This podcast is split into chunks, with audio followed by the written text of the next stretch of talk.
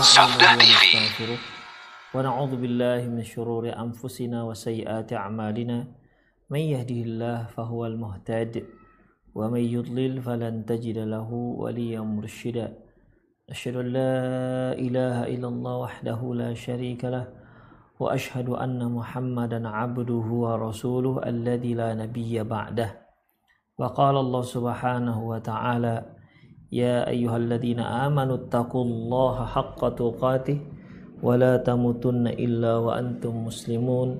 يا أيها الذين آمنوا اتقوا الله وقولوا قولا سديدا. يصلح لكم أعمالكم ويغفر لكم ذنوبكم. ومن يطع الله ورسوله فقد فاز فوزا عظيما. يا أيها الناس اتقوا ربكم الذي خلقكم من نفس واحدة وخلق منها زوجها وبث منهما رجالا كثيرا ونساء واتقوا الله الذي تساءلون به والأرحام إن الله كان عليكم رقيبا. أما بعد إن أصدق الحديث كتاب الله وخير الهدي هدي محمد صلى الله عليه وسلم وشر الأمور محدثاتها وكل محدثة بدعة وكل بدعة ضلالة وكل ضلالة في النار. Para pemirsa Rosyad TV, pendengar Radio Medan Mengaji, di mana pun Anda berada, Alhamdulillah kita kembali melanjutkan kajian kita dalam serial klinik pernikahan di mana kita masih melanjutkan nasihat-nasihat yang ditulis oleh Syekh uh, Badr bin Ali Al-Utaibi dalam kitabnya Ishrunan Nasihah di Ukhti Qabla Zawajiha. Jamaah rahimani Allah wa iyyakum. Nasihat yang ke-8. Beliau mengatakan iyyaki wal kufr. Hati-hati dengan kekufuran. Jangan sampai engkau wahai para istri jatuh kepada kekufuran. Apa yang dimaksud kekufuran di sini? Apakah para istri yang muslimah mereka banyak yang murtad dari agama Islam, keluar dari agama Islam dan berpindah ke agama yang lain? Bukan itu yang dimaksud. Ya. Bukanlah yang dimaksud yaitu murtad keluar dari agama Islam. Tetapi yang dimaksud adalah ikhwah yaitu wanita-wanita yang kufur terhadap apa yang telah diberikan oleh sang suami atau kufur dengan nikmat kebaikan yang telah diberikan oleh sang suami. Rasulullah Shallallahu Alaihi Wasallam pernah menceritakan tentang penduduk surga. Ya, pernah menceritakan tentang penduduk surga. Beliau mengatakan, "Wa raaitu aktsaru ahlihan nisa' aku pernah aku melihat mayoritas penduduk neraka itu kaum wanita. Insya Allah. Padahal kita sudah pelajari bahwasanya wanita itu mudah loh masuk ke dalam surga. Ya, setelah dia menjadi seorang wanita yang beriman, ya. Kemudian dia yang kata Rasulullah idza sallatil mar'atu khamsaha wa shamat syahraha wa hafizat farjaha wa ata'at ba'laha kilalaha dikatakan kepadanya apabila seorang wanita sholat yang lima waktu puasa Ramadan dia jaga kehormatannya dan dia taati suaminya maka kilalaha dikatakan kepadanya udkhuli udkhulil jannah masuklah kamu ke dalam surga min ayyi abwabin syi'ti dari pintu mana saja yang engkau ketahui yang engkau inginkan itulah kaum wanita ya Allah Subhanahu wa taala menggambarkan kepada mereka begitulah kemungkinan sebenarnya kemungkinan besar wanita itu mudah masuk ke dalam surga. Tapi ternyata dalam hadis ini Rasulullah menyebutkan raaitu aktsaru ahliya an-nisa.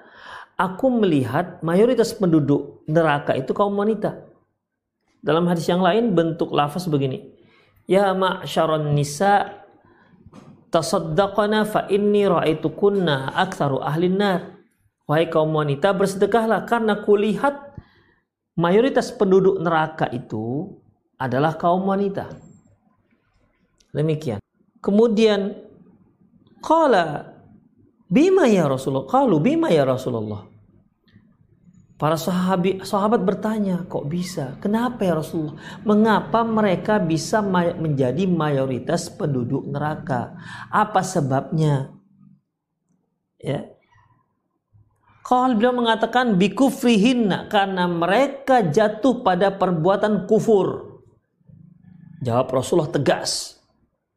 Kenapa mereka mayoritas menjadi mayoritas penduduk neraka? Karena mereka mereka melakukan perbuatan kekufuran. Kila kembali Rasulullah ditanya, ayak furna billah. Oh, ya Rasulullah mereka itu kaum wanita kufur kepada Allah. Nah, itu pertanyaannya. Karena mengapa mereka bertanya seperti ini? Karena memang kalau kita lihat bagaimana kaum ibu-ibu taatnya mereka ibadah itu secara apa ya, secara uh, umum mereka lebih banyak melakukan ketaatan. Demikian ikhwah. Buat pengajian, kaum ibu-ibu yang paling banyak pengajiannya. Mereka bisa satu hari itu bisa dua, tiga kali. Sementara laki-laki paling nanti seminggu bisa dua, tiga kali sudah paling banyak. Seminggu sekali Alhamdulillah. Atau apa namanya per bulan. Ada yang jenisnya spesialis dauroh. Nah, begitu. Ya kalau daurahnya tiga bulan sekali, tiga bulan sekali lah dia datang dalam pengajian. Tapi kalau kita lihat pada umumnya ibu-ibu itu, itu lebih rajin. Ya apalagi kalau sudah separuh baya. Masya Allah eh, puasanya rajin, sholat duhanya rajin, sholat tahajudnya rajin. Tapi permasalahannya ikhwah, dia kok bisa kufur? Ya kok bisa kufur? Menjadi mayoritas penduduk neraka. Ya. Jadi banyak sekali sebenarnya celah-celah wanita itu mengakibatkan mereka tuh terhambat masuk ke dalam neraka. Terhambat masuk ke dalam surga. Malah lebih mudah bagi mereka untuk masuk ke dalam neraka. Makanya sahabat bertanya, e, mereka kafir dengan Allah ya Rasulullah. Mereka kafir. Kal Rasulullah katakan yakfurnal ashir mereka kufur terhadap suami mereka. Wayakfurnal ihsan. Mereka mengingkari perbuatan baik sang suami. Lau ahsanta ila ihdahin ihla ihdahunna dahrakullah apabila kamu berbuat baik kepada salah seorang wanita selama setahun penuh summa ra'at minki syai'an summa ra'at minka syai'an lantas dia melihat ada satu hal yang tidak dia sukai darimu? Qalat maka si perempuan itu akan mengatakan ma raaitu khairan qattun. Aku tak pernah melihat kebaikanmu sedikit pun. Insyaallah. Jadi ini yang membuat Allah Subhanahu wa taala murka. Karena apa ikhwafiddin? La yashkurullah ma la yashkurun tidak bersyukur kepada Allah, orang-orang yang tidak pernah bersyukur kepada manusia. Allah mem, hal ini bisa membuat Allah marah. Ya. Apalagi ini adalah sang suami. Suami itu diwajibkan untuk berinfak, memberi nafkah, menyediakan sandang pangan dan papan yang layak untuk para untuk istri-istrinya, untuk anak-anaknya.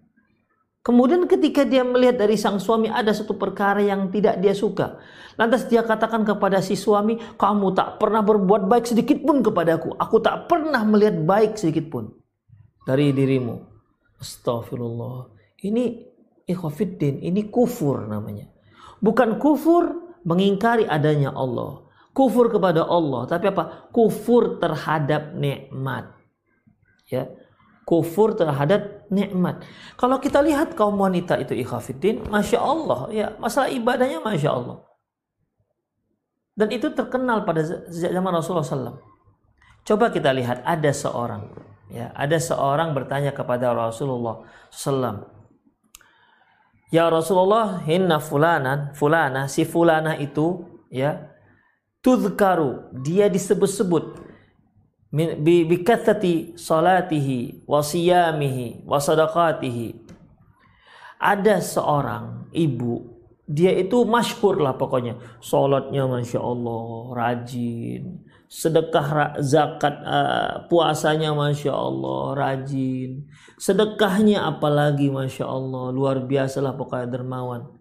Walakinnaha tu'zi jiranha bilisaniha. Tapi ya Rasulullah, ada satu hal yang buruk pada wanita ini. Dia menyakiti tetangganya dengan lisannya. Apa kata Rasulullah? Hiya finnar. Dia di neraka. Ikhwafiddin, coba perhatikan. Suami itu memberikan nafkah, menyediakan fasilitas kepada sang istri, ya. Kemudian dia katakan ketika dia melihat ada satu hal yang tidak dia sukai, dia katakan, Bang, abang nggak pernah sedikit pun berbuat baik padaku. Aku aku nggak pernah melihat perbuatan baik sedikit pun darimu. Ini ikhafidin betul-betul kufur kufur terhadap kebaikan sang suami. Ini ulah daripada lisan. Lau ahsanta ila ihdahinna ila ihdahunna ad-dahra seandainya kamu berbuat baik kepada salah seorang mereka setahun penuh summa ra'at minka syai'an. Kemudian dia lihat ada satu hal yang tidak dia sukai. Qalat ma ra'aitu minka khairan qattun. Aku tak pernah melihat sedikit pun kebaikanmu. Ini ikhwafiddin. Jadi wajar kalau Allah Subhanahu wa taala marah dengan wanita yang seperti ini. Bagaimana mungkin dia mengingkari kebaikan suaminya secara keseluruhan? Hadis ini diriwayatkan oleh Imam Bukhari dan Muslim. Ana Abdullah bin Amr radhiyallahu anhuma dari Abdullah bin Amr radhiyallahu anhuma an Rasulillah sallallahu alaihi wasallam dari Rasulullah sallallahu alaihi wasallam qol beliau bersabda la yanzurullahu tabaraka wa ta'ala ila imra'atin la tashkuru li zawjiha wa hiya la tastaghni anhu Allah tidak akan melihat, Allah tidak akan mempedulikan ya kepada seorang wanita yang tidak mau bersyukur kepada suaminya Padahal dia tidak bisa terlepas dari suaminya. Padahal dia masih bersandar kepada suaminya. Padahal dia masih diberi nafkah oleh suaminya. Ya, Jadi dia nggak bersyukur. Seharusnya ikhwah, keba sekecil apa pun kebaikan seorang diberikan kepada kita. Kalaupun kita nggak bisa membalas, minimal kita katakan apa? Jazakallahu khairan. Jazakallahu khairan. Kan begitu. Seharusnya demikian seorang istri. Ini malah ikhwah dia tidak mau bersyukur. Ingat hadis Rasulullah SAW tadi, la yashkurullah man la yashkurun nas. Tidak dikatakan orang itu bersyukur kepada Allah kalau dia tidak pernah bersyukur berterima kasih kepada kebaikan sesama manusia. Demikian. Walaupun dia bertasbih alhamdulillah alhamdulillah alhamdulillah, ikhwafidin itu masih syukur dari sisi lisan. Perbuatan belum. Demikian. Dan inti daripada bersyukur itu adalah sikap, bukan lisan. Ya, bukan lisan. Misalnya ini seorang mendapatkan sebuah rezeki nomplok atau bahasa kerennya dapat durian runtuh, rezeki durian runtuh. Dia katakan alhamdulillah, alhamdulillah, alhamdulillah. Tapi membuat tapi dia tetap saja melakukan perkara-perkara yang diharamkan oleh Allah Subhanahu wa taala yang Allah larang dia tak dia langgar, yang Allah wajibkan dia tak lakukan. Apakah orang ini dikatakan bersyukur hanya dengan mengucapkan alhamdulillah? Jawabannya tidak. Bukan itu hakikat daripada bersyukur. Hakikat uh, daripada bersyukur adalah semakin mendekatkan diri kita kepada Allah Subhanahu wa taala. Itu yang dikatakan hakikat dalam sebuah syukur. Demikian. Kita aja ikhwah, kalau kita sering dibantu tetangga, kita susah dibantunya kenapa pak kurang beras iya bu udah dibantu ya kemudian ya sering membantu kita kok suatu hari orang yang sering membantu kita ini minta tolong pak tolong pak uh, apa namanya to tolong tolong ini misalnya kita sanggup lakukannya kira-kira kita kita membantu dia apa tidak jawabannya iya kita bantu Orang yang hari-hari menolong kita, kemudian satu kali dia minta tolong pada kita, kita enggan. Ini tanda orang yang nggak mau bersyukur. Itu namanya sikap. Bukan sekedar terima kasih, terima kasih, terima kasih. Tapi ketika dia minta, tolong, dikit aja pertolongannya, dia nggak mau menolong. Ini berarti orang nggak berterima kasih, ikhwah. Demikian. Oleh karena itu, ikhwah, Allah nggak akan melihat kepada si perempuan yang tidak bersyukur kepada suaminya sementara dia tak bisa terlepas dari suaminya. Sementara dia masih bersandar full dengan suaminya. Sementara dia masih diberi nafkah oleh sang suami.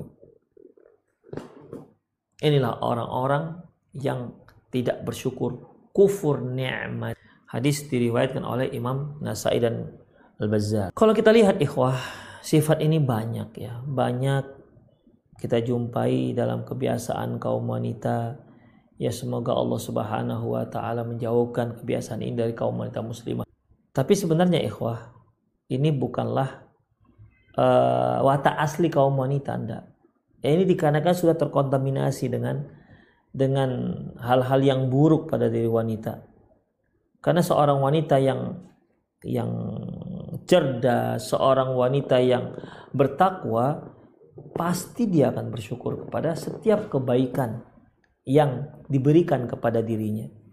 Uang kalau orang lain saja berbuat baik pada dia, misalnya hanya sekedar misalnya minta tukaran uang. Kita punya uang 5000, kita minta tukar 1000 1000. Nggak ada yang dikurangi dari duit dia. Hanya kita tukar uang recehan, kita katakan terima kasih. Ya, kita katakan jazakallah khairan. Mengapa dengan suami di mana dia yang menanggung nafkah sang istri lantas dia katakan tidak ada sedikit pun kebaikan atau dia tidak pernah bersyukur dengan suaminya. Ini wanita-wanita yang lancang ya Khafiddin. Oke karena itu wanita yang cerdas gak akan seperti ini. Dia akan senantiasa mengingat kebaikan-kebaikan sang suami. Ya, akan senantiasa mengingat jasa-jasa sang suami. Makanya judulnya itu jangan kufur. Bukan kafir kepada Allah tapi kufur nikmat. Jangan. Oleh karena itu ikhwah rahimani Allah wa iyyakum ya. Para istri, para uh, para akhwat yang sudah bersuami hendaklah dia mengakui kebaikan-kebaikan sang suami. Tidak boleh dia hilangkan begitu saja. Jangan sampai gara-gara ada satu keinginannya yang tidak tercapai yang tidak dipenuhi oleh sang suami lantas dia seolah menutup mata dengan kebaikan-kebaikan yang selama ini yang sudah bertahun-tahun diberikan sang suami. Apalagi sampai dia katakan, aku tak pernah merasakan kebaikanmu sedikit pun. Eh wah ini dusta namanya. Ya, dusta. Bagaimana mungkin nggak pernah berbuat kebaikan? Bagaimana mungkin dia tidak pernah merasakan kebaikan sang suami? Ini ini sudah sudah dusta namanya, ya dusta. Kita tahu ikhwah Rasulullah Sallallahu Alaihi Wasallam melarang dusta, walaupun kita itu eh, bercanda. La takdzib wa inkana mazihan. Jangan kamu berdusta walaupun canda. Itulah dia.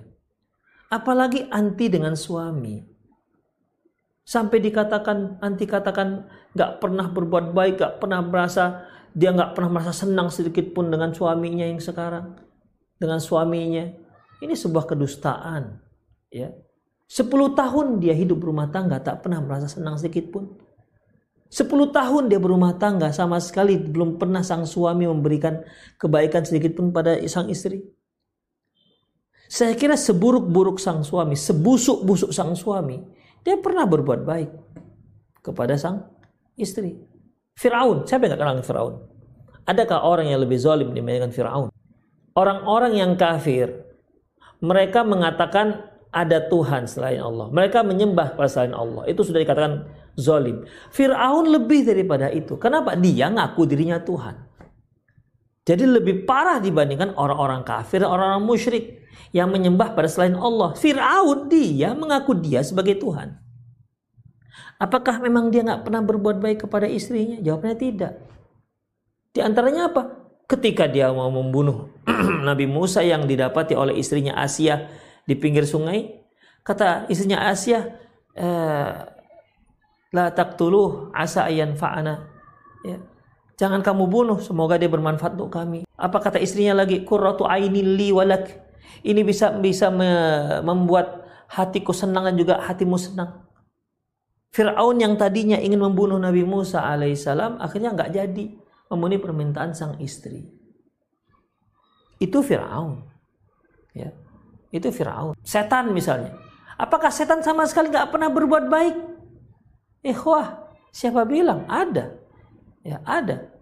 Ketika Abu Hurairah radhiyallahu anhu menjaga harta zakat, tiba-tiba ada seorang yang datang mau mencurinya ditangkap oleh Nabi Abu Hurairah. Kata Abu Hurairah, kamu akan saya laporkan kepada Rasulullah. Kata si orang ini, orang yang aneh ini, dia katakan, aduh minta, mohon, mohon, jangan dilaporkan kepada Rasulullah. Akhirnya Abu Hurairah radhiyallahu anhu kasihan dan lepaskan. Hari kedua begitu juga. Ya. Abu Hurairah cerita untuk yang kedua kalinya, kema tadi malam begini gini gini. Apa kata Rasulullah? nanti malam dia datang lagi. Kata Rasulullah, betul Abu Hurairah siap-siap menangkap nih. Betul datang lagi dia, ditangkap. Kata Abu Hurairah, aku nggak akan mau ngelepasimu lagi. Sudah dua kali masalahnya dilepas. Kali ini harus dibawa. Apa kata orang ini? Maukah engkau aku tunjukkan satu ucapan jika kamu ucapkan maka setan akan lari darimu. Kemudian Abu Hurairah mau ya. Namanya juga untuk menjauhkan setan. Dia tahu bahwasanya ya inna syaitan lakum aduwwum mubin. Sungguhnya setan itu merupakan musuh yang paling nyata bagi manusia, bagi kalian. Akhirnya diberitahu yaitu membaca surat uh, membaca ayat kursi. Kisah ini dilaporkan Abu Hurairah kepada Rasulullah sallallahu alaihi wasallam. Apa kata beliau? Sadaqa wa huwa Benar, yang ini benar dia. Wa huwa tapi sebenarnya dia pendusta. Memang dia pendusta, banyak kali omong kosongnya, tetapi untuk masalah ini dia benar. Kan dia memberikan kebaikan. Itu setan loh ikhwafiddin. Fir'aun. Ya. Apa mungkin seorang muslim, suami yang muslim, sejahat-jahatnya dia gak pernah sedikit pun memberikan kebaikan? Ini satu hal yang mustahil. Satu hal yang mustahil, ikhwah. Makanya Allah marah wanita-wanita yang berkata seperti ini. Kalau disebut, disebutkan fa inna hadza ilal kidhib wal iftira ucapan seperti ini yang nggak mengakui sedikit pun kebaikan sang suami, ini sudah sampai pada level tahap ya dusta dan kebohongan. Itu dia. Kemudian wadzulmu wal jafa. Kezoliman ini, ini sudah masuk pada tahap kezoliman. Wal jafa dan tidak sopan kepada sang suami. Wa kaifa wayan wayantaju anhu tafniyati thiqah ini bisa menghilangkan rasa percaya seorang suami kepada kepada si istrinya. Wa ghil wal fi qalbi alaik fi qalbi alaik dan itu bisa menanamkan kebencian sang suami dan kedengkian kepada dirimu. Ya, muncul nanti kebencian di hati sang suami. Kenapa? Kebaikannya tak pernah diakui oleh sang Rumah yang dia sewakan tak diakui itu sebuah kebaikan.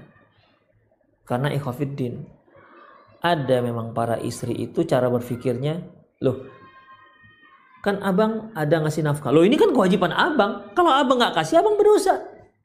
Jadi dianggap kalau itu sebuah kewajiban, maka itu bukan sebuah kebaikan. Ini keliru. Rumah yang disediakan suami walaupun ngontrak, itu kan sebuah kebaikan. Gak bisa dengan alasan ini kan kewajiban abang. Abang ya wajib menyediakan tempat tinggal untuk kami. Tapi wajib Ketika itu sudah wajib, apakah itu berarti bukan kebaikan? Demikian. Oleh karena itu ikhwah rahimani Allah wa iyyakum bukan berarti tidaklah berarti kalau sebuah kewajiban yang dilakukan oleh seseorang itu lantas itu bukan sebuah kebaikan. Salat wajib, tapi kan kebaikan. Zakat wajib, tapi kan kebaikan. Demikian ikhwah. Jadi jangan sampai seorang istri itu beralasankan ya ini kewajiban sang suami. Jadi nggak perlu itu dianggap sebuah kebaikan. Itu sangat keliru dan itu mengundang murkanya Allah Subhanahu wa taala. Demikian. Ya. Jadi wahai para istri jangan sampai jatuh kepada kekufuran. Ya. Hendaklah anti wahai para istri, saudari-saudariku bersikap adil lah ya, bersikap adil karena Allah Subhanahu wa taala memerintahkan innallaha ya'murukum bil adli wa ihsan. Sesungguhnya Allah itu menyuruh kalian untuk bersikap adil dan bersikap baik. Ya, adil dan bersikap baik. Melakukan ihsan. Allah juga berfirman, "Ya ayyuhalladzina amanu kunu qawwamina bil qist." Wahai orang beriman, tegakkanlah keadilan. Ya, jadilah kalian orang-orang yang menegakkan keadilan. Jangan sampai ikhwah ketika kita membenci salah satu sifat atau sikap sang suami atau seperti yang kita katakan tadi dia menginginkan sesuatu tapi suami tidak memperkenankan permintaannya lantas muncullah kebencian yang luar biasa dari sang suami sehingga kebencian itu memupus semua kebaikan-kebaikan yang pernah diberikan oleh sang suami wala yajrimannakum syana'anu qaumin ala alla ta'dilu. Janganlah kamu, janganlah bencimu kepada sesuatu kaum menyebabkan kamu bersikap tidak adil. I'dilu. Adillah. Hu aqrabul taqwa. Sungguhnya sikap adil itu lebih dekat kepada ketakwaan kepada Allah Subhanahu wa taala. Oleh karena itu ikhwah, para istri banyaklah bersyukur kepada sang suami ya. Ketika suami memberi nafkah katakan ucapan ajazakumullah khairan abjazakallah khairan. Semoga Allah bang memberi membalas kebaikan untukmu bang. Begitu bersyukurlah setiap pemberian yang diberikan oleh sang suami. Ya jadi suami itu merasa dihargai sebagai seorang pemimpin rumah tangga walaupun sedikit yang diberikan bersyukurlah. Ucapkan jazakallah khairan. Ya ucapkan terima kasih kepada sang suami. Itu dia. Jangan diabaikan ini. Jangan diabaikan. Ya. Jangan dianggap rendah kebaikan sang suami. Apalagi dianggap tak ada. Naudzubillah min dalik. Ini kufur. Ya. Sekali lagi ini kufur yang bisa mengundang murka Allah Subhanahu wa taala ingat penghuni neraka dihuni oleh wanita-wanita yang tidak bersyukur kepada sang suami. Itu dia. Bukan dikarenakan mereka kafir kepada Allah. Bukan dikarenakan mereka murtad dari agama Islam, bukan. Tapi karena mereka kufur terhadap kebaikan sang suami. Demikian ikhwah rahimani Allah wa iyyakum. Untuk kajian kita di akhir pekan ini saya kira itu sajalah ya. Semoga sedikit yang hari ini kita sampaikan bermanfaat ikhwah. Ya tema kita pada sore hari ini wahai kaum wanita wahai para istri jangan sampai jatuh kepada kekufuran yaitu kufur. Jangan sampai jatuh kepada kekufuran yaitu kufur nikmat. Ya berterima kasihlah setiap kebaikan yang diberikan oleh sang suami. Allah marah kalau melihat para istri yang tidak bersyukur kepada sang suami. Allah musta'an ya. Saya kira itu sajalah untuk sore hari ini. Aku luka hadza wa astaghfirullah li wa lakum. Muslimin innahul ghafur rahim. Bagi para pemirsa yang ingin bertanya silakan uh, kirimkan pesannya ke 08956113277778 Assalamualaikum Ustaz, Ana hamba Allah ingin bertanya, berdosakah Ana bila jengkel kepada suami karena waktunya banyak terbuang untuk hal-hal yang tidak bermanfaat? Seperti main HP, nonton TV, nongkrong, suami Ana baik, sudah pensiun, sholat ada, tapi ilmu agamanya kurang dan tidak mau belajar agama Ana ingin sisa umur ini digunakan untuk ibadah. Kalau Ana ajak belajar agama malah marah. Apa yang harus Ana lakukan Ustadz? Terima kasih jawabannya Ustadz. Uh, Ibu rahimani Allah wa iyyakum. Uh, memang salah satu sifat manusia itu dia jengkel kalau melihat sesuatu yang tidak dia sukai. Namun ibu sekalian, ya para ibu, uh, pendam rasa ya gemes, jengkel, ya.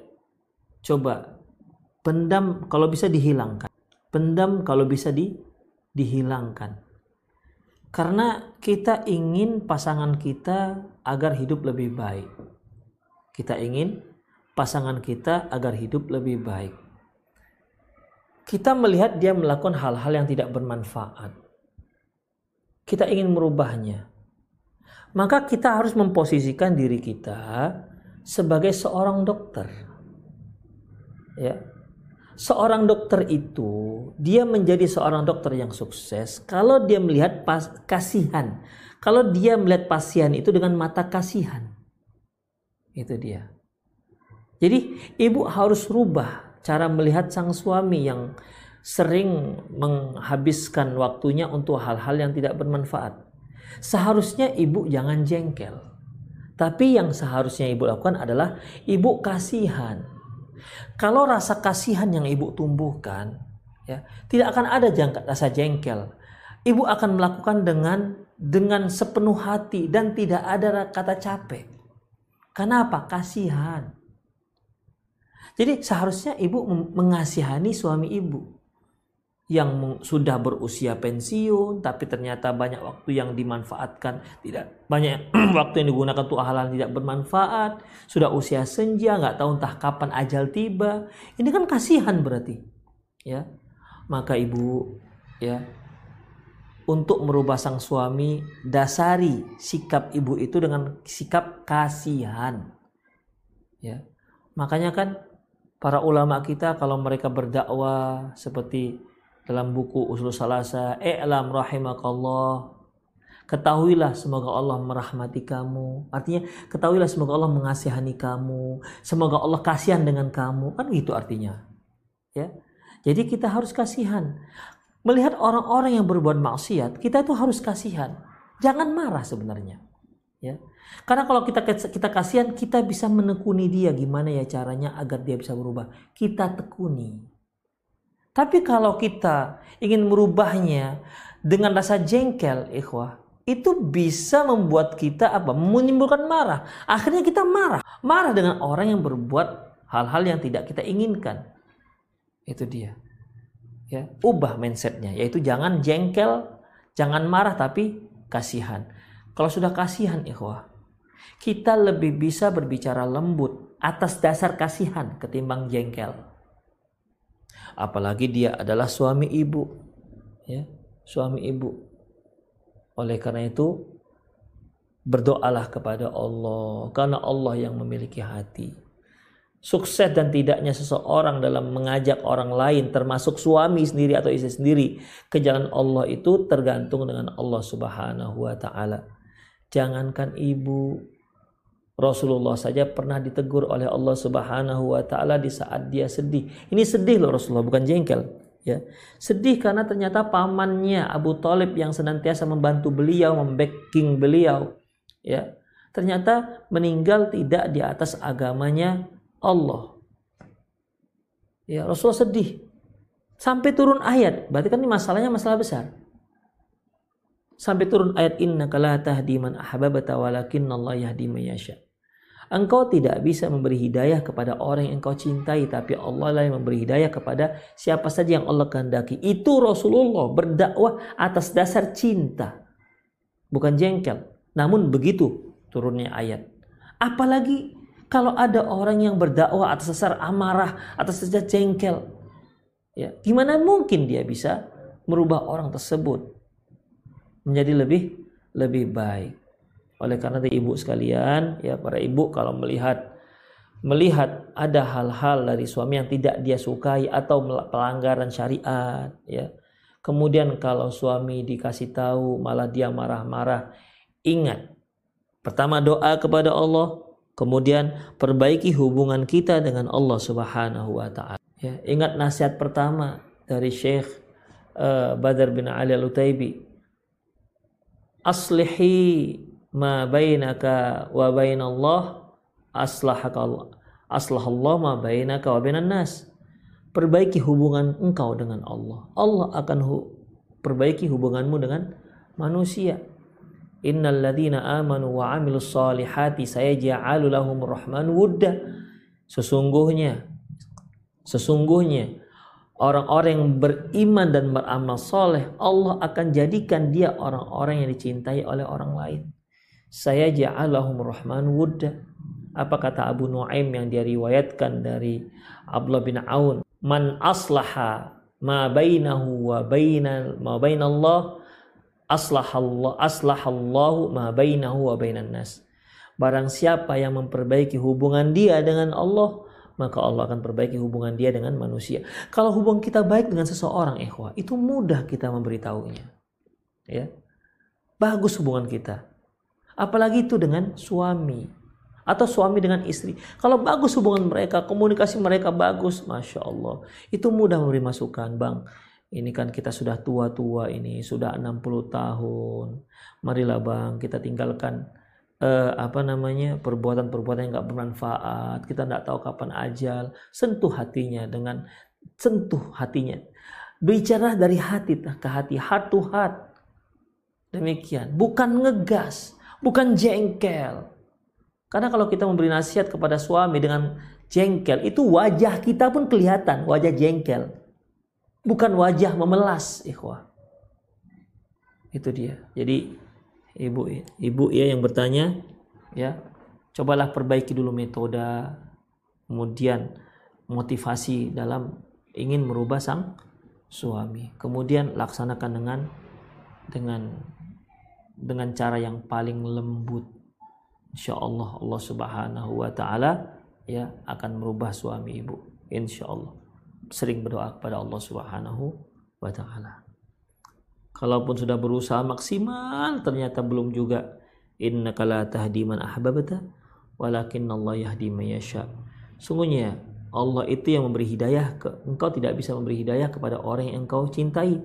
Tetapi sungguhnya Allah lah yang memberi hidayah kepada siapa saja yang dia kehendaki Allahu a'lam bissawab Ustadz Afan mau bertanya di luar tema jika jika berkenan saya punya tabungan niatnya buat menikah nanti tapi sekarang kan mau Idul Adha. Apakah saya tergolong orang yang mampu jadi wajib korban atau tidak? Atau bagaimana jika ada dua korban dalam keluarga karena ayah saya sudah membeli domba untuk korban dan untuk keluarga. Jazakallah khairan. Wa anta jazakallah khairan. Uh, kalau salah satu daripada anggota keluarga itu sudah berkorban, maka itu yang lain secara hukum sudah terlepas. Ya. Yang lain secara hukum sudah terlepas walaupun kalau semua anggota keluarga berkurban ya itu lebih afdol. Namun secara hukum sudah ter terlepas dari hukum.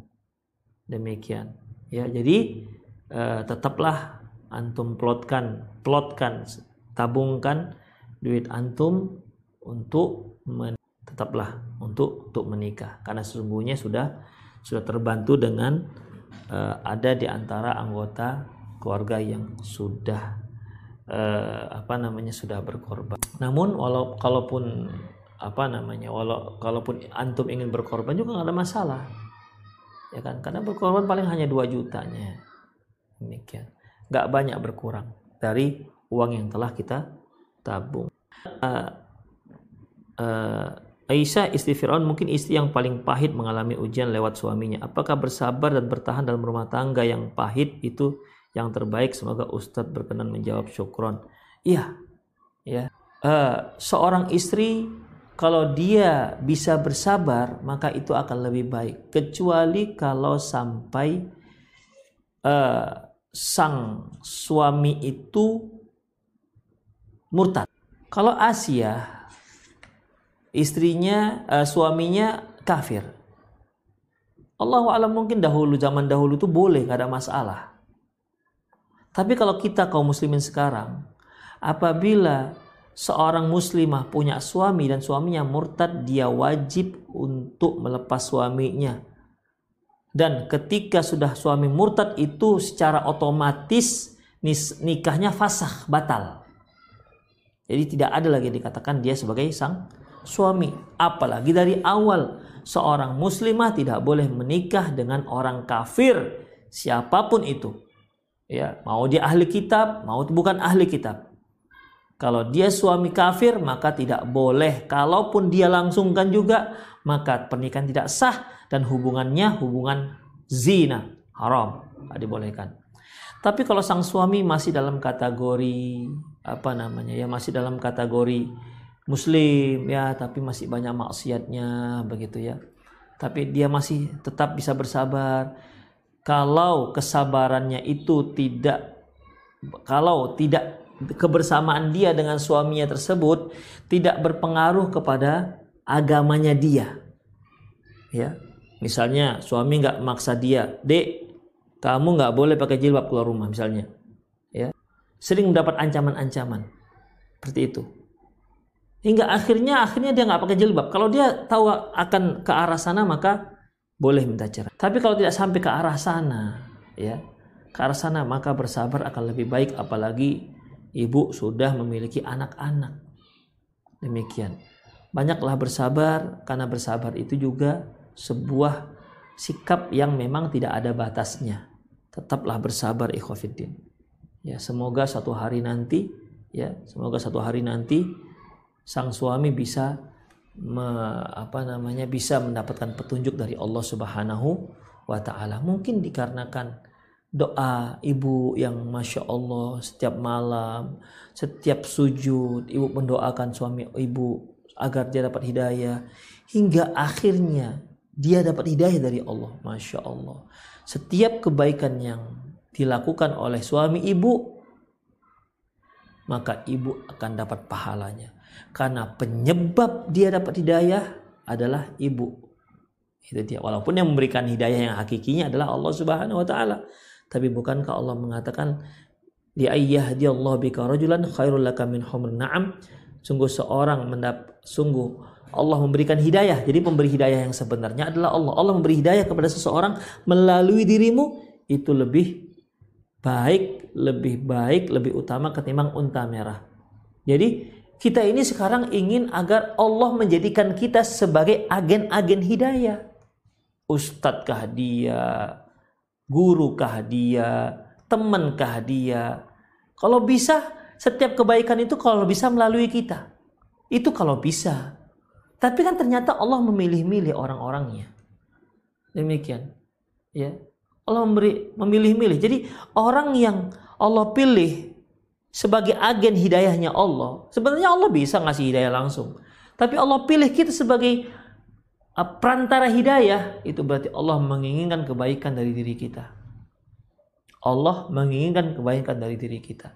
Makanya wahai kaum muslimin, wahai para istri, ya, tidakkah anti bahagia menjadi agen-agen hidayahnya Allah terutama untuk suami dan anak-anak ya tetaplah bersabar bersabar bersabar dan teruslah bersabar innama yuwaffas sabiruna ajrahum bighairi hisab sungguhnya Allah memberi pahala orang yang bersabar dengan tanpa batas ketika Allah mengatakan bahwasanya pahala orang bersabar tanpa batas berarti menunjukkan bahwasanya sahabat sabar itu juga tanpa batas itu juga menunjukkan bahwasanya sabar itu bukan satu pekerjaan yang ringan. Bukan amalan hati yang mudah. Sulit tapi memang harus dilatih agar tak menjadi sabar. Jadi kalau bisa seorang istri tetap bersabar, ya selama tidak bermudarat agamanya, maka bersabarlah dan terus mendoakan kepada Allah Subhanahu wa taala. Berdoa kepada Allah untuk sang suami. Harapannya semoga satu hari nanti suami bisa bisa meraup hidayah. Apakah hukum orang tua yang orang tua istri yaitu ikut campur dalam rumah tangga anaknya jazakallahu khairan. Ah, sebenarnya ikhwah ikut dan tidak ikut campurnya orang tua terhadap rumah tangga anaknya ini kan terkandung tergantung dengan dari mana orang tahu begitu dari mana orang tua tahu bahwasanya Eh, rumah tangga anaknya ada masalah. Tentu kan ini ada ngasih tahu. Atau jangan-jangan anaknya sendiri yang memberitahu. Ketika sang anak memberitahu, itu kan otomatis seolah-olah ini membuka peluang bagi orang tua untuk campur tangan. Minimal memberikan pendapat. Demikian. Ya. Jadi pada dasarnya ikhwah rahimani Allah wa iyyakum sebagaimana yang telah kita kaji di nasihat-nasihat sebelumnya yaitu yang judulnya uh, apa az-zaujiyah itu bahwasanya uh, masalah itu adalah masalah suami istri. La jama'iyatu bukan yang sifatnya kolektif. Jadi setiap masalah-masalah yang muncul dalam rumah tangga seharusnya yang menyelesaikan adalah suami dan istri. Tidak usah muncul di di permukaan sehingga diketahui oleh keluarga kedua belah pihak. Jangan rahasiakan. Ya, biarlah antara suami dan istri yang menyelesaikannya. Demikian. Kalaupun memang sudah mentok tidak bisa, silakan cari orang-orang yang bisa menyelesaikannya. Mungkin bisa meminta pendapat orang tua atau mertua. Demikian ikhwatiddin. Ya. Jadi sebenarnya ikut campur itu nggak ada masalah selama untuk memperbaiki, selama untuk membangun, selama untuk mendamaikan, bukan membuat masalah kecil menjadi besar, bukan membuat retak menjadi belah, bukan membuat bukan membuat belah menjadi berkeping-keping. Itu keliru, berarti ini bukan solusi. Ingat firman Allah Subhanahu wa taala yang telah kita bacakan, ya. Fa in khiftum shiqaqa bainihima. Kalau kalian khawatir ya akan uh, terpecahnya ini rumah tangga, ya. Faba'athu hakama min ahlihi wa hakama min ahliha. Maka minta utuslah seorang hakim dari keluarga perempuan dan seorang hakim dari keluarga laki-laki iyurida islaha yuwafiqillahu bainahuma. Kalau dua orang hakim ini yang dari masing-masing dari utusan keluarga laki-laki dan utusan keluarga perempuan iyurida islaha. Kalau dua orang ini ingin memberikan mela, mem, me, apa, mendamaikan jadi bukan ingin memecahkan, tapi ingin mendamaikan. Yuwafiqillahu bainahuma. Allah akan beri taufik mereka. Makanya ketika terjadi ketika masalah diberikan serahkan kepada keluarga besar, ya keluarga, ya. Ini tujuannya bukan untuk dipecah, tapi dalam upaya untuk menyatukan. Itu misinya. Ya. Kalau hanya untuk memecah nggak usah tanya orang lain.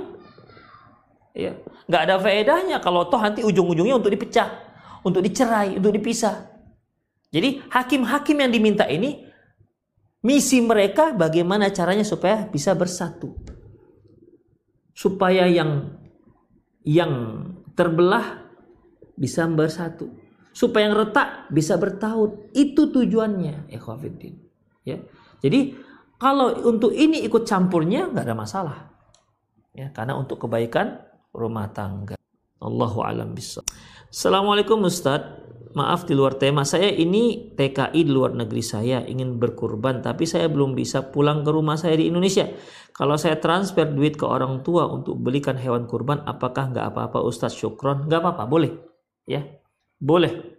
Boleh antum kirimkan uang dan berkurban di di kampung orang tua antum. Tidak ada larangannya. Ya itu masih dibolehkan ya dibolehkan. Artinya perwakilan. Kita minta pada orang tua supaya menyembelihkan korban kita. Boleh. Karena e, berkorban itu tidak harus melihat penyembelihannya. Rasulullah SAW pernah mewakilkan kepada Ali bin Abi Thalib untuk menyembelihkan kurban bukan beliau yang melakukan tapi di apa namanya diwakilkan kepada Ali bin Abi Thalib. Boleh nggak ada masalah. Ya itu dibolehkan. Memang sebaiknya Allah Subhanahu wa taala menyatakan fakulu minha wa at'imu ba'isal fakir. Makanlah dari daging hewan kurbanmu dan beri makan orang-orang yang fakir. Rasulullah mengatakan fakulu minha wa fakulu minha wa at'imu waddakhiru. Makanlah dari hewan kurbanmu, bagi-bagikanlah kepada yang lain dan waddakhiru kamu simpan juga boleh. Demikian itu yang terbaik. Tapi kalau dia tidak memakannya tidak apa-apa, tidak menyaksikannya nggak apa-apa, ya, tidak mengapa, tidak wajib itu semua. Jadi boleh dia mengirimkan berupa uang ke Indonesia, boleh antum mengeluar, mengirimkan uang ke Indonesia, kemudian di kampung orang tua yang akan menyembelihkan hewan korban tersebut, boleh. Bismillah, assalamualaikum Ustaz. Di keluarga saya ada yang murtad. Pertanyaan saya, apakah boleh kita menjalin silaturahmi jazakumullah khairan? Ikhwah, kalau dia terkait dengan hubungan darah seperti ade, abang, ya ibu, ayah, nenek, kakek, paman, itu hubungan terkait dengan hubungan rahim, hubungan darah, dan ini nggak bisa diputus. Ya, ini tidak bisa diputus. Tapi kalau kerabat-kerabat biasa saja ya kita nggak teguran juga nggak masalah orang apa namanya keluarga jauh. Tapi kalau paman, keponakan misalnya atau adik atau abang ini nggak bisa diputus walaupun dia murtad. Ya, walaupun dia murtad. Ingat ikhwafidin, apakah Rasulullah memutus hubungan dengan paman beliau Abu Talib? Enggak kan? Padahal dia belum muslim. Makanya hubungan darah itu tidak bisa diputus. Dalam Islam tidak boleh memutus hubungan darah. Kecuali kalau seandainya kerabat kita itu menjadi musuh Islam. Ya. Maka Allah Subhanahu wa taala menyebutkan la tajidil la tajidil mu'minun uh, kamu tidak akan mendapatkan orang-orang beriman yuwaduna man haddallahu wa rasulah. Ya. Di mana kamu tidak mendapatkan ada orang beriman yang dia mencintai orang-orang yang memusuhi Allah dan Rasulnya. Walau kana aba'uhum. Walaupun dia adalah ayah-ayah mereka. Bayangkan ikhwafiddin. Jadi kalau kita punya ayah, kemudian ayah kita murtad dan dia memusuhi, memerangi, memerangi kaum muslimin, ini ayahnya harus di harus diputus, nggak bisa. Kenapa? Dia telah memusuhi Allah dan Rasulnya. Itu ayah yang seharusnya kita berbakti kepada mereka. Ya, demikian. Makanya kalau kita lihat dalam peperangan sejarah perang Badar itu ayah dengan anak berperang. Ya, ayah melawan anaknya. Kenapa? Karena ayah melawan karena ayah memusuhi Allah dan Rasulnya. Demikian. Tapi kalau mereka nggak memusuhi Allah dan Rasulnya, maka Allah berkata berfirman yaitu la yanhaakumullahu 'anil ladzina lam yuqatilukum fid din wa lam yukhrijukum min diyarikum an tabarruhum wa tuqsitu ilaihim. Allah tidak melarang kalian berbuat baik dan kalian berbuat adil kepada orang-orang kafir yang tidak memerangi kalian dan tidak mengusir kalian dari tempat kalian. Itu dia. Ya. Inna ma yanhaakumullahu 'anil ladzina qatalukum fid dini wa akhrajukum min diyarikum an tabarru wa ilaihim. Sesungguhnya yang dilarang oleh Allah adalah orang-orang kafir yang mana? Yang memerangi kalian dan mengusir kalian dari tempat kalian. Itu dia. Itu nggak boleh kita ber, bersikap baik. Kenapa? Dia telah memusuhi. Allahu alam bisawab. Assalamualaikum warahmatullahi wabarakatuh Ustadz bagaimana caranya menasihati suami supaya bisa jadi pemimpin Selama ini semua urusan saya yang atur Karena suami kurang bisa Apa saya berdosa kalau mengelola harta suami dengan izin suami Dan dan infak tanpa izin kalau sudah bila baru sudah baru dibilang jazakumullah khairan. Ya, ini kan artinya ibu uh, membantu suami dalam mengelola. Kalau dia izin nggak apa-apa. Ya, kalau dia izin nggak apa-apa. Terus bagaimana kalau seandainya ibu menginfakkan harta suami baru dikatakan, baru di, di, diceritakan? Ya. Ini ada dua ikhwah. Kalau ibu tahu bahwasanya suami ibu memang membolehkan ibu menggunakan tuh harta. Karena dia tahu ibulah yang mengelolanya. Dia rela, dia ikhlas ibu gunakan apa pun. Maka ibu boleh. Karena apa? Kerelaan dia itu menunjukkan izin untuk ibu secara mutlak. Ya. Yang kedua, ya. Kalau seandainya dia tidak izin, maka nggak boleh seorang istri menginfakkan tanpa seizin oleh suaminya. Izin dulu baru dinafkahi, diinfakkan. Itu dia. Ya. Jadi lihatlah posisi ibu di sini dalam dalam posisi yang bagaimana. Apakah posisi intinya suami ibu ya ridho-ridho saja kalau ibu menggunakan hartanya mau diinfakkan. Karena apa? Dia sangat percaya dengan ibu mengelola hartanya. Begitu. Dengan demikian secara umum ibu sudah mendapatkan izin. Tapi kalau ternyata ibu melihat dia tidak izin, maka tidak boleh menginfakkan sebelum mendapatkan izin dari sang suami. Jadi tidak mengapa kalau ibu mengatur, itu kan mengatur harta suami, itu berarti ibu sedang membantu sang suami dan suami itu. Tidak apa-apa. Jazakumullah khairan. Semoga Allah Subhanahu wa taala memberikan uh, ganjaran yang besar bagi ibu karena telah membantu sang suami dalam mengelola hartanya. Assalamualaikum warahmatullahi wabarakatuh. Ustaz, bagaimana hukumnya orang yang orang tua suami lepas tangan dengan kesusahan anaknya? Karena selama ini orang tua istri yang memberi makan dan tempat tinggal sedangkan mereka juga kekurangan. Ikhwah rahimani Allah wa iyyakum. Uh, sebenarnya seorang lelaki itu ya ketika dia sudah balik ketika dia sudah balik dia sudah lepas dari orang tuanya begitu sebenarnya tapi orang tua tentunya yang namanya orang tua ya dia uh, masih ataupun membantu tetap membantu anaknya tapi tidak lagi wajib sebagaimana sebelumnya seperti ketika si anak sudah berumah tangga misalnya ya pada dasarnya orang tua tidak wajib untuk menafkahi anaknya ini lagi. Sudah lepas dengan anaknya. Tapi kalau orang tua masih perhatian, masih dia support dengan dana-dana segar ke rumah tangga anaknya, ya boleh nggak ada masalah. Tapi ingat itu tidak lagi sebuah kewajiban. Itu tidak lagi dalam sebuah kewajiban karena sebenarnya itu sudah pisah dari rumah tangga. Demikian rumah tangga orang tuanya lepas sudah lepas dari tanggung jawab orang tua. Kalau mereka tidak memberikan ya sudah, tidak masalah. Ya, jangan juga dipermasalahkan karena memang bukan kewajibannya. Demikian. Dan kita sebagai anak, ya sebagai anak, janganlah kita me, apa, menggantungkan rumah tangga kita ke orang tua.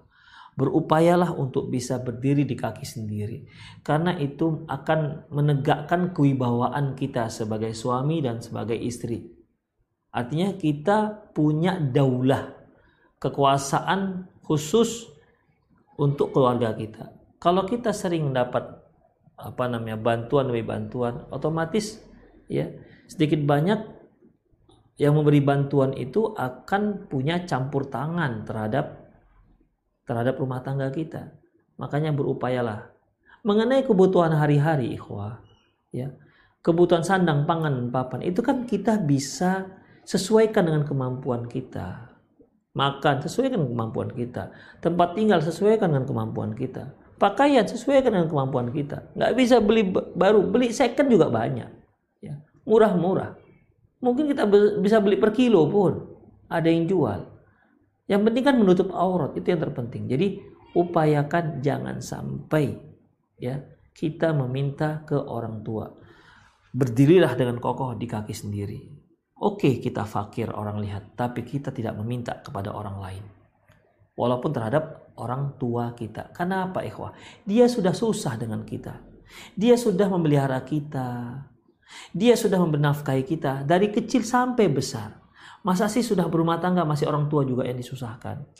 Berdirilah ikhwah di kaki sendiri, mandiri. Jangan susahkan lagi orang tua. Pahit, rasakan pahit itu sendiri. Getir memang, rasakan getir itu berdua dengan sang istri yang tercinta. Insya Allah. Innamal usri yusra. Sungguhnya di balik kesulitan itu ada kemudahan.